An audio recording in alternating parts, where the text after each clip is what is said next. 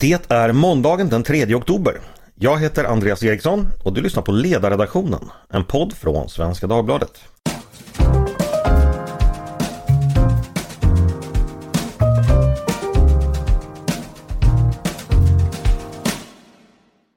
Varmt välkomna ska ni vara till denna nya vecka i podden.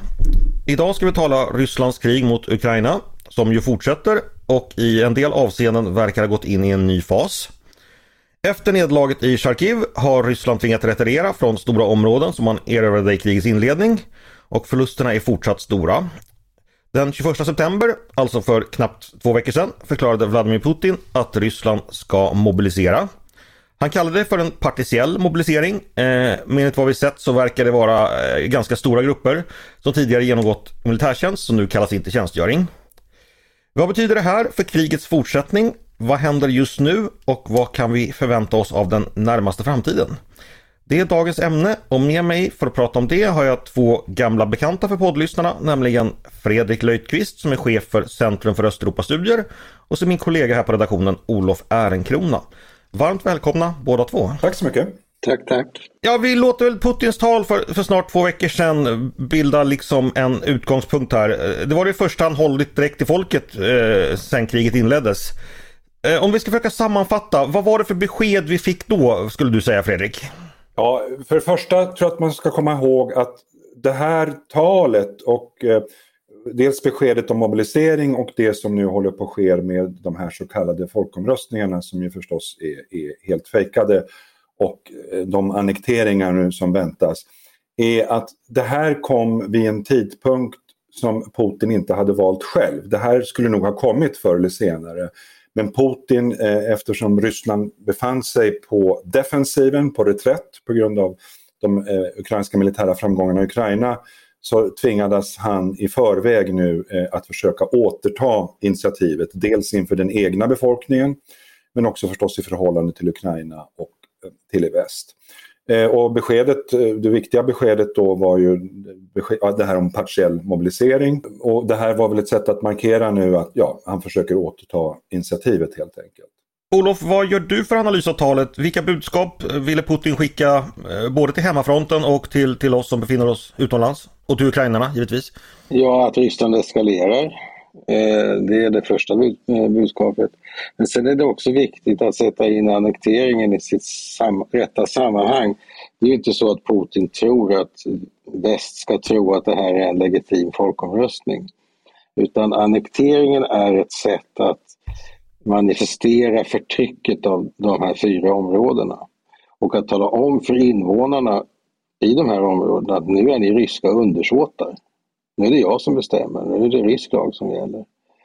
Eh, och det är alltså ett, ett sätt att manifestera ett förtryck som, som, eh, som Ryssland utövar i de här områdena. Och på det viset så är det en parallell till motsvarande processer i Baltikum eh, under andra världskriget. Och, eh, eh, det är alltså ett, ett instrument i förtrycket, inte någonting annat egentligen. Mm.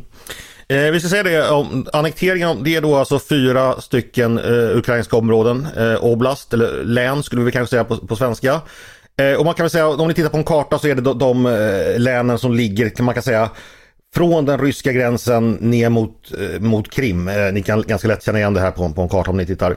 Och som Ola har sagt då så har man då låtsas haft folkomröstningar här och föga förvånande blev eh, resultatet en, en översvallande majoritet vill ansluta sig.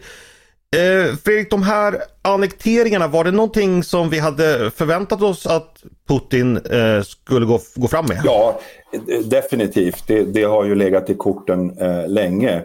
Eh, och det, det, hade nog planerat att det här skulle ske tidigare och man hade ju trott att man skulle ha mycket större militära framgångar i början än man hade.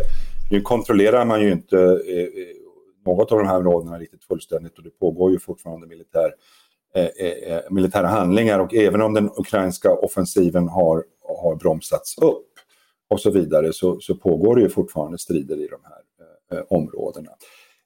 Jag håller helt med Olof, men jag vill bara lägga till kanske två saker med de här annekteringarna. Det ena är att en, jag tror att en viktig bakomliggande orsak till annekteringarna och det är den viktiga signaleffekten till väst och kanske framförallt till USA det är då att nu betraktas de här officiellt som ryskt territorium. Eh, och anfall på ryskt territorium kan då enligt rysk eh, militärdoktrin och också enligt en kärnvapensavskräckningsdoktrin ytterst försvaras med massförstörelsevapen och kärnvapen.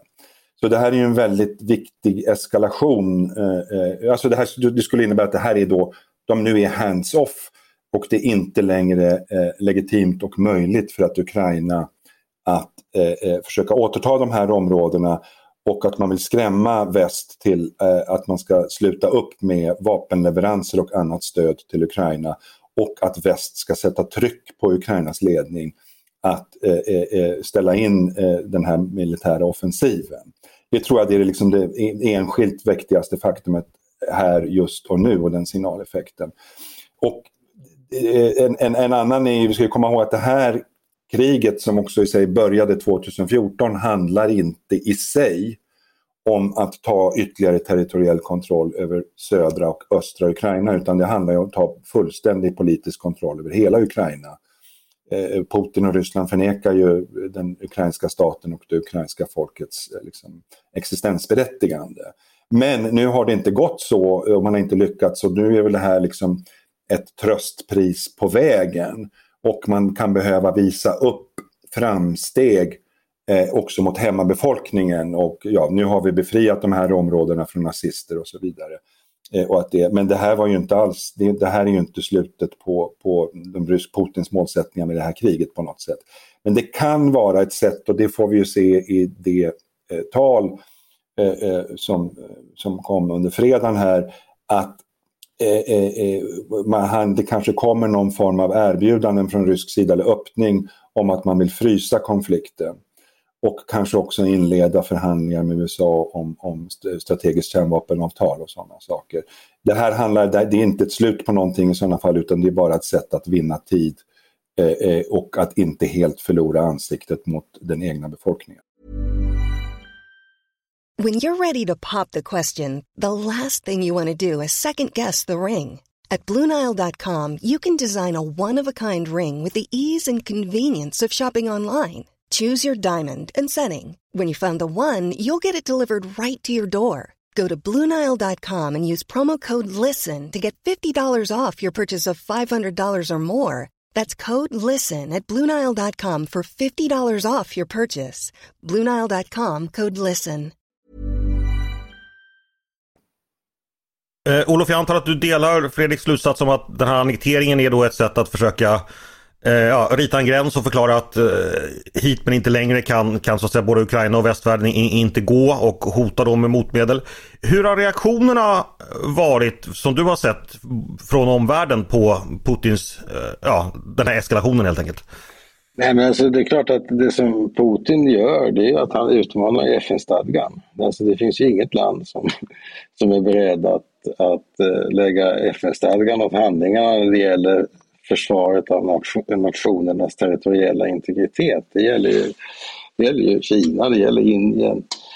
Eh, ja, ja, alltså det, det, här är, det här är liksom att köra in en, en, Eh, en tanks i, i FN-systemet helt enkelt. Det, det är att krossa den globala världsordningen som är uppbyggd kring FN sedan andra världskriget och, och naturligtvis också den europeiska säkerhetsordningen. Och det, det här är ju så att säga på det viset en logisk konsekvens av det, det, det som Putin sa i julas, eller strax före jul då. Där, där eh, han ju mycket tydligt då det skulle pressa tillbaka NATO till 1997 års gränser, men också då eh, frånta eh, Europas länder möjligheten att själva välja säkerhetspolitiskt arrangemang. Och det är också en del i detta. Eh, så att, men det här är som Fredrik säger, det här är ju ett, en väldigt liten munsbit som är resultatet av ett väldigt stort misslyckande hittills. Han kommer inte längre. Men, vilket ju ligger också i förlängningen av Fredriks resonemang, gör man nu upp med honom kring någonting, då kommer han ju tillbaka sen. För att det långsiktiga målet är att Ukraina ska inkorporeras i Ryssland. Mm. Eh, jo men det var det, jag tänkte fråga om, det var sagt reaktionerna. Alltså, har Putins hot bitit? Har, har vi sett någonting om det eller är, är, synar man honom från västs sida? Nej, jag tycker inte det har bitit, absolut inte. Det, snarast har reaktionerna blivit ännu tuffare. Eh, och enhet, en, enheten mellan EU och inom EU och eh, i, i USA och enheten inom NATO är ännu starkare idag. Eh, och så kommer det att bli. Alltså Putin kommer aldrig att komma undan med detta. Ja, jag håller helt med Olof. Och det, det, den, den ukrainska försvarsviljan, motståndskraften är, är, ju på intet sätt försvagad eller det finns några frågetecken. Den har ju bara blivit starkare. Också mot bakgrund att vi har ju sett konsekvenserna av, av den ryska militära eh, eh, ockupationen i form av de här eh, fruktansvärda övergreppen, massmord, eh, tortyr, avrättningar, massdeportationer av befolkning till, till Ryssland och så vidare och i väst eh, håller uppe. Eh, eh, sen, eh, och jag är helt enig med er, liksom, det är en stark enighet och jag har mycket svårt att se att, att väst skulle vilja vara berett eller tvinga Ukraina att sätta sig i förhandlingsbord. Sen de senaste dagarna så har ju väst har sagt allt det som väst måste säga nu. Självklart så erkänner man inte folkomröstningen eller de så kallade folkomröstningarna. Men det står ju lite grann och väger med vapenleveranser och EU-länderna. Möjligen så att vi inte har så mycket mer att leverera eller att det finns en vilja. Vi har sett hur den tyska regeringen under förbundskansler Scholz har velat lite grann. Man har inte velat eh, leverera stridsvagnar, moderna stridsvagnar, Leopard 2-typen och så vidare. Och även de amerikanska vapenleveranserna som tycks ju fortgå men det finns ju även begränsningar i där. Så att det finns ju en diskussion inom den amerikanska administrationen i Washington och, och också runt om i en del europeiska huvudstäder om vad man uppfattar om är faran. Eh, alltså den ryska eskalationsfaran och att man kanske inte ska provocera Putin och Ryssland allt för långt. Eh, och det här är, en, är, är, svåra diskussioner men jag tror vi ska bara komma ihåg att de pågår också. Inte så att väst på något sätt kommer att ge upp stödet till Ukraina eller försöka tvinga Ukraina till några eftergifter. Men, men det pågår resonemang. Och, och det är just det som Putins, den här signalpolitiken, det han gör nu är framförallt av, av säkerhetspolitisk kommunikation eller signalkaraktär. Det är att skrämma upp väst Eh, eh, eh, och hota med sig självt och hota med eskalation så att man ska bli mer, mer försiktiga. och på det hela taget tror jag inte det kommer att lyckas men det kan möjligtvis få vissa marginella effekter. Och, och det beror ju på lite grann vad som händer framöver. Vi har ju sett att det sker konstiga, oväntade, dramatiska saker som de här explosionerna av, gasledningarna Nord Stream 1 och 2 och så vidare. Och det här är vi vet ingenting idag vem som ligger bakom, vi kan resonera, vi kan spekulera. Men signaleffekten är ju hur som helst att det här skapar en oro, en, en förvirring och en rädsla i väst. Mm. Och därför ska vi ta det lugnt och fortsätta som man brukar säga. Eh, Anledningen till att Putin behöver eskalera och behöver hota det är ju då att, som vi redan nämnt, att det militära projektet har ju misslyckats. Eh, vad är det som har hänt på marken i Ukraina den senaste tiden? Vi vet ju att Ukraina genomförde i början av september en väldigt lyckad offensiv och befriade Charkiv. Eh, Olof, vad har hänt sedan dess? Har linjerna återigen stabiliserats eller fortsätter man framåt? Vet du någonting om det?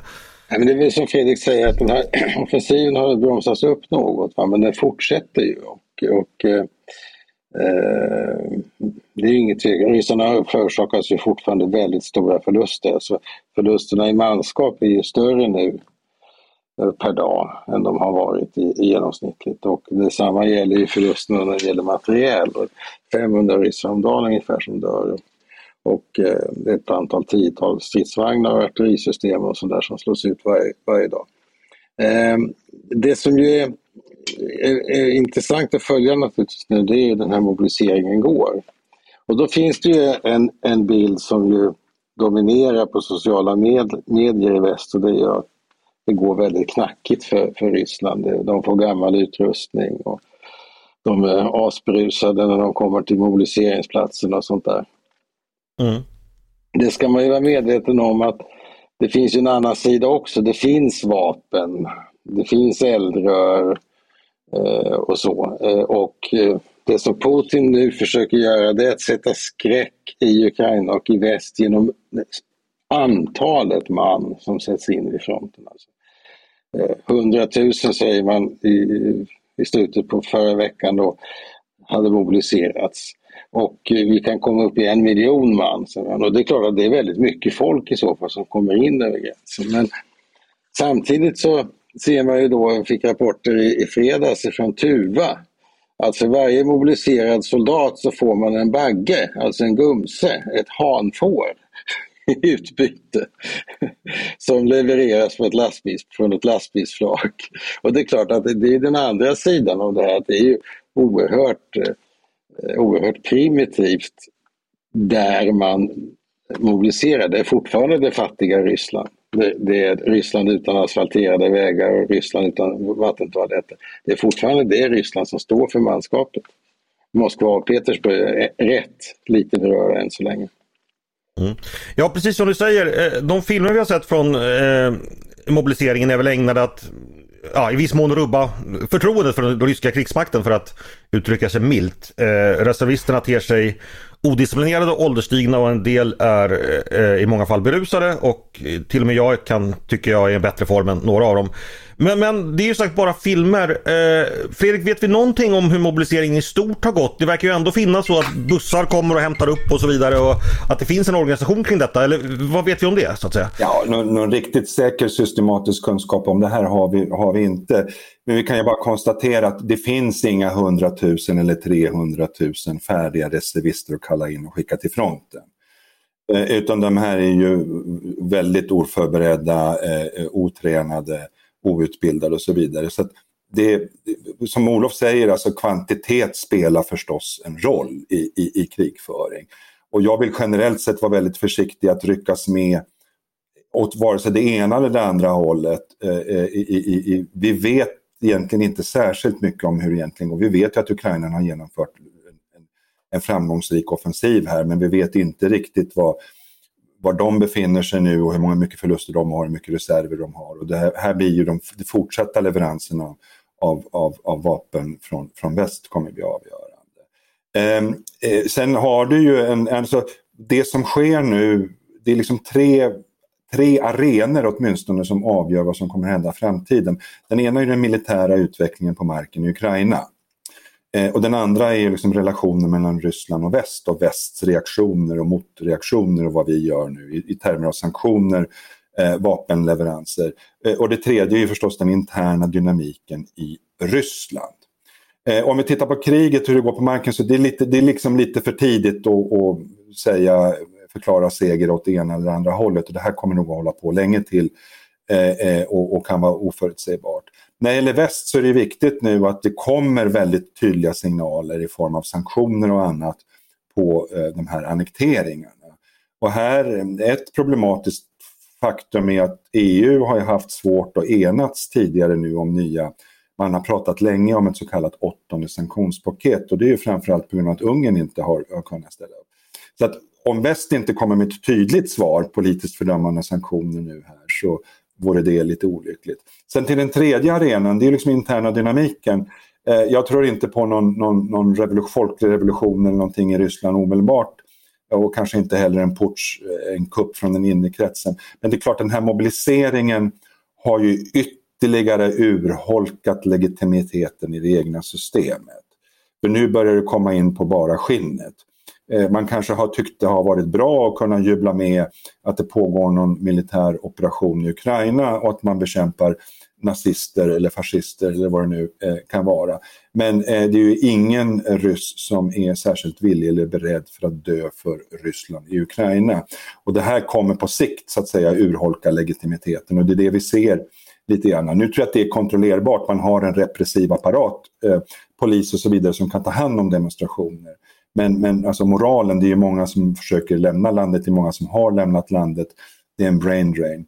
Eh, och på vilken av de här arenorna sen som kommer att bli viktigast framöver, det får vi se. Men det är ett samspel av allt det här. Men när det gäller själva krigföringen så är det alldeles för tidigt att dra några slutsatser. Mm. Eh, Olof, nu fick vi här en, en liten eh, begreppsapparat eller en modell med tre arenor. Finns det någonting till den bilden du skulle vilja tillägga eller ut, komplettera? Nej, jag Eh, Eh, man kan ju fundera över hur, hur den här konflikten kommer att sluta. Eh, det finns ju en hel vetenskap kring temat hur upphör krig, inte bara hur startar krig utan även upphör krig. Och eh, så långt kan man ju säga att så länge båda sidor tror att de kan vinna eh, så kommer kriget att fortsätta. Eh, och Ryssland, eller Putin, tror att han kan vinna och Ukraina eh, har det ju gått så pass bra för så att de känner ju att de har ändå ett slags momentum.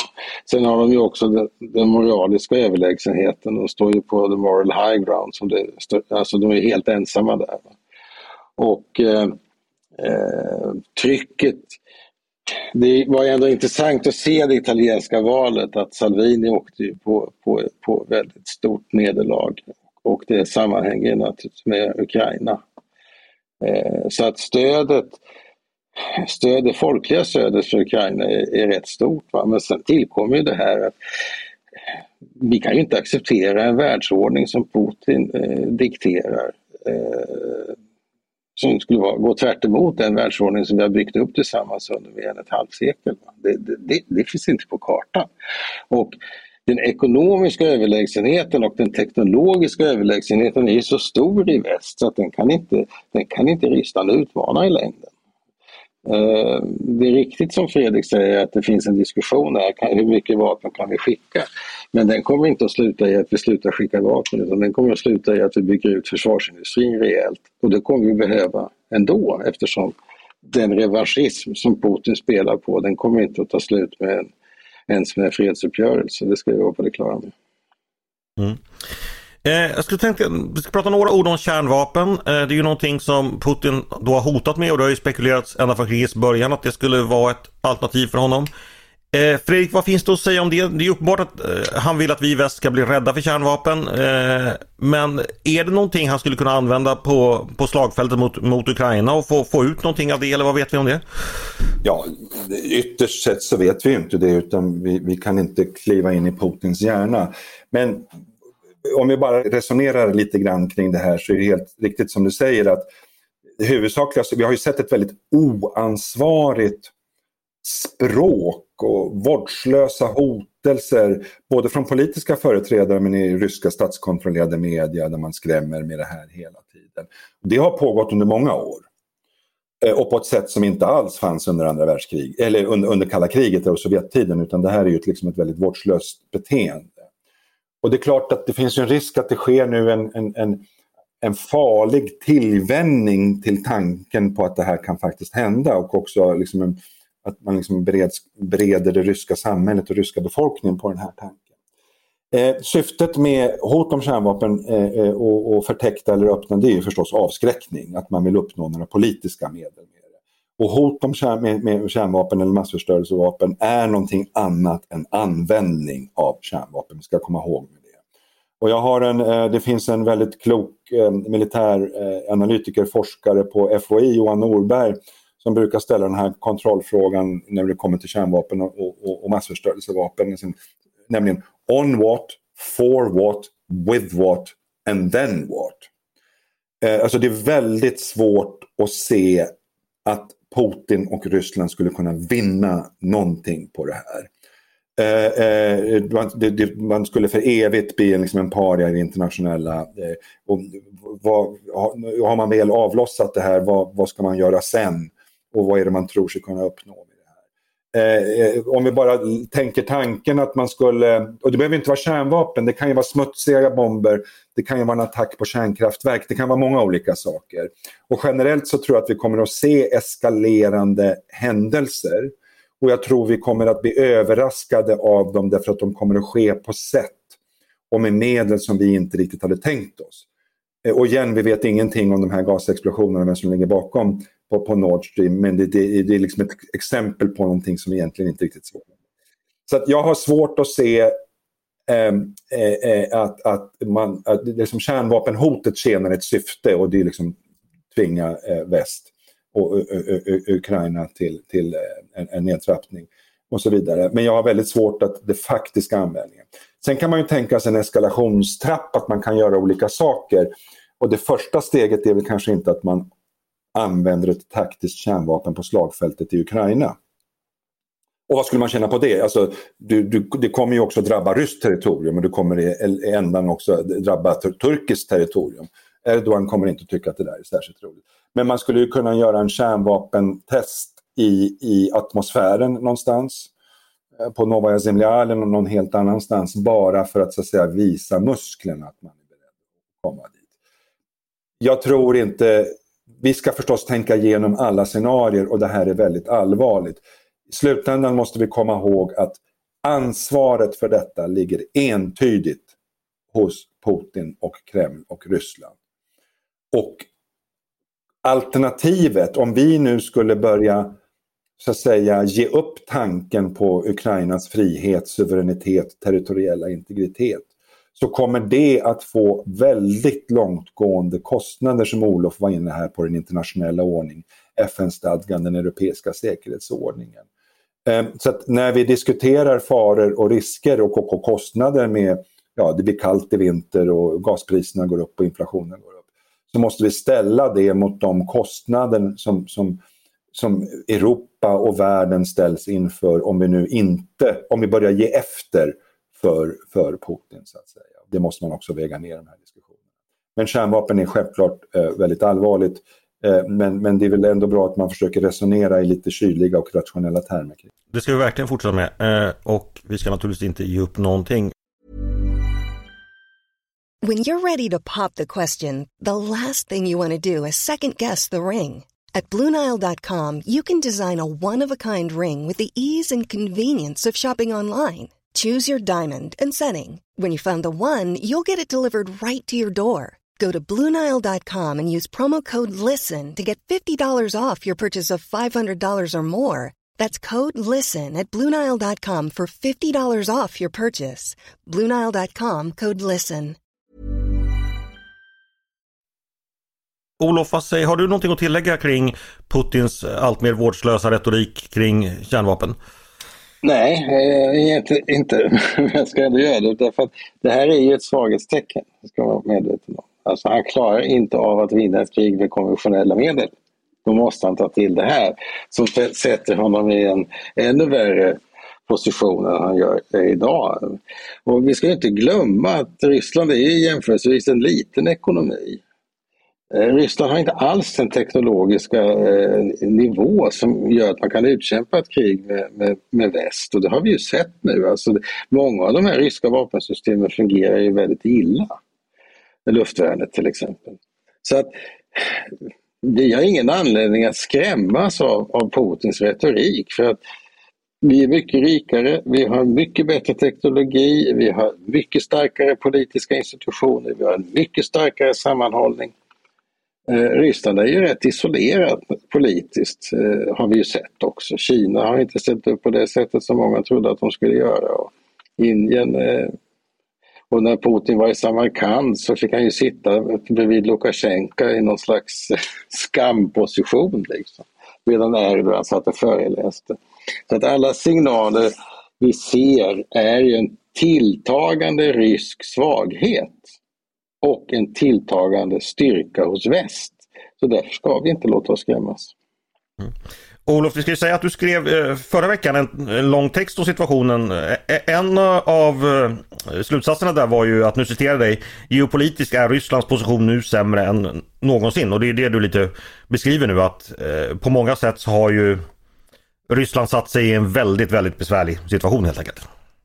Ja, för att vi ser ju både i, i, i östra gränsområdet och det södra gränsområdet så är det ju väldigt oroligt. Där har ju Ryssland ett säkerhetsansvar eh, inom ramen för det samarbete som då finns. Eh, och Ryssland har ju vägrat att gripa in. Eh, eh till exempel när Azerbajdzjan anfaller armenskt territorium. Så att vi kan konstatera att det är en upplösning på gång i öster om, om Ryssland. Och paradoxen är ju det att det som viktigaste som Putin kunde göra för att stabilisera sin situation och skapa säkerhet längs västra gränsen, det vore att Ukraina gick med i EU och NATO. För då skulle Ukraina gå med i en defensiv allians och, och vara med i ett EU som inte alls har någon aptit på att bedriva anfallskrig mot Ryssland. Men om man låter den här situationen bestå, man får en frusen konflikt, då kommer ju Ukraina att hela tiden utgöra ett hot mot dem, den ockupation som Ryssland utför både i Krim och i, i, i Donbass. Så att Det, det, det, är paradoxalt. Han har ordnat det så att Sverige och Finland kommer med i NATO och han har ordnat det så att det mest stabiliserande han kunde göra vore att låta Ukraina gå med i NATO och i EU. Mm. Vi ska ta och runda av. Jag tänkte bara som avslutning fråga ifall det är något ytterligare ni skulle vilja chippa in här som inte vi har hunnit med hittills. Jag antar att det finns massor med saker förstås, man kan inte hinna med så mycket på en halvtimme. Men Fredrik, om du skulle välja något ytterligare som du tycker lyssnarna ska ha, ska ha med sig, vad, vad skulle det vara? Ja, vi, vi pratar nu, har pratat här om Ryssland en halvtimme, pratar väldigt mycket om Ryssland. Jag tycker det är precis lika viktigt att vi pratar om Ukraina och Ukrainas framtid och det stöd vi kan ge det är återuppbyggnad, det är EU-medlemskap, eh, eh, det är säkerhetsstöd, militärt stöd och så vidare. Och vad det här ytterst handlar om, det är om, om, om Ukraina ska lyckas eller inte lyckas och misslyckas Ukraina så är det en, en framgång för Ryssland. Och en framgång för Ryssland det skulle få enorma konsekvenser, systemkonsekvenser globalt och för Europa och så vidare. Och därför är det så viktigt. Så jag tycker det är viktigt att vi också pratar om Ukraina och vad vi kan ge Ukraina för stöd. Och att vi, det, det här handlar inte, det här är inte en regional eller lokal konflikt någonstans i, i något konstigt hörn av östra Europa. Utan det här är en systemisk konflikt som handlar om hela Europas framtid och det europeiska projektet. Och därför är det så viktigt att vi eh, ger stöd till Ukraina och jag tycker inte att vi ska se det som kostnader utan en investering i Europas framtid. Mm. Men då bestämmer vi så Fredrik att du är välkommen tillbaks på en Ukraina-podd helt enkelt där vi diskuterar just detta. För här finns ju säkert också minst en halvtimme att, att prata, prata om det. Vä jag. Väldigt gärna det, tack. Ja. Eh, samma fråga till dig Olof, är det någonting ytterligare du vill tillägga som vi inte har hunnit täcka in idag? Helst skulle jag vilja låta att Fredriks ord fick ligga kvar i lyssnarnas minne och sinne utan att jag stör den processen. Det var mycket Nej, jag, tror, jag tror de har plats med, plats med mycket, men okej. Okay. Nej, men det, är väldigt, det, det, är en helt korrekt analys, en väldigt riktig prioritering också. Det, det är jätteviktigt att vi förbereder oss på hur återuppbyggnaden ska ske och hur integrationen i den gemenskap, civilisatoriska gemenskap som Ukraina hör till, Europa och västvärlden. Det var inga dåliga slutord det heller, Olof. Eh, stort tack Fredrik Löjdqvist och Olof Ehrenkrona för att ni kom och pratade med mig idag. Och tack till er som har lyssnat också på Ledarredaktionen, en podd från Svenska Dagbladet. Ni är varmt välkomna att höra av er till oss på redaktionen med tankar och synpunkter på det vi precis diskuterat. Eller om ni har idéer och förslag på det vi ska ta upp i framtiden. Då är det bara att mejla till ledarsidan svd.se. Dagens producent, han heter Jesper Sandström. Jag heter Andreas Eriksson och jag hoppas att vi hörs igen snart.